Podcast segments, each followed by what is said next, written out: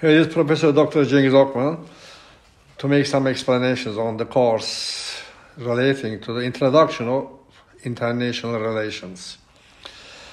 Here, initial explanations on the scope, essential parts, and the instruments of international relations are taken into consideration, and introductory explanations on diplomacy and international political economy, followed by the explanations relating to the struggle for world order, arms control, international law, and international organization, and such issues.